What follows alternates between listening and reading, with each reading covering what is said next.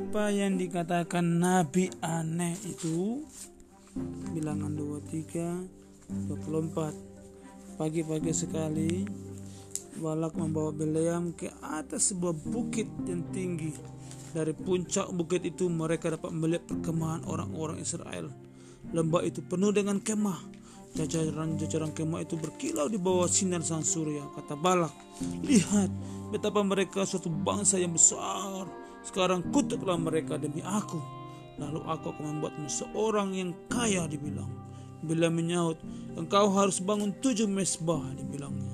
Kita akan membakar persembahan sama Allah di atas mesbah itu. Tapi aku hanya akan mengatakan apa yang diperintahkan Allah kepadaku untuk kukatakan. Balak menyuruh hamba-hambanya, ayo bangun hamba-hambaku tujuh mesbah. Lalu mereka membakar persembahan mereka sama Allah. Tetapi Balak dan Bilam bukan orang baik. Mereka tidak melayani Allah dengan benar. Jadi Allah tidak mengendaki persembahan mereka. Tapi Allah berfirman sama Bileam. Ia menaruh kata-kata mulut di, Bile, di mulut Bileam. Sama seperti ketika ia menaruh kata-kata di mulut keledai. Bileam diam. Dia mendengarkan suara Allah. Balak dan semua pangeran berdiri mengelilingi mesbah. Mereka menunggu untuk mendengar apa yang dikatakan Bileam. Lalu Bileam mulai berbicara. Katanya, Bagaimana aku mengutuk orang-orang ini? Allah telah memberkati mereka. Aku tidak dapat mengutuk mereka. Dan beliau berbicara mengenai hal-hal ajaib dalam bentuk puisi tentang umat Allah. Balak tidak menyukai hal itu katanya sama William. Hey William, aku menyuruhmu untuk mengutuk mereka. Engkau sama sekali tidak mengutuk mereka. William menyahut, Aku memberitahumu Raja bahwa aku hanya dapat mengatakan apa yang diperintahkan Allah untuk kukatakan. Kata Balak, ayo kita coba lagi. Balak membawa Bilam ke bukit yang lebih yang lain. Ia membuat membuat tujuh mesbah yang baru. Mereka membawa persembahan sama Allah mesbah tujuh, ketujuh mesbah baru itu. Bilam menunggu suara Allah lagi.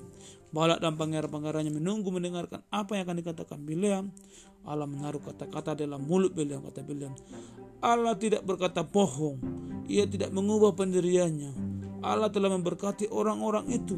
Allah akan membuat mujizat bagi mereka dan beliau mengutip puisi yang lain tentang hal-hal yang ajaib yang akan diperbuat Allah sama anak-anak Israel.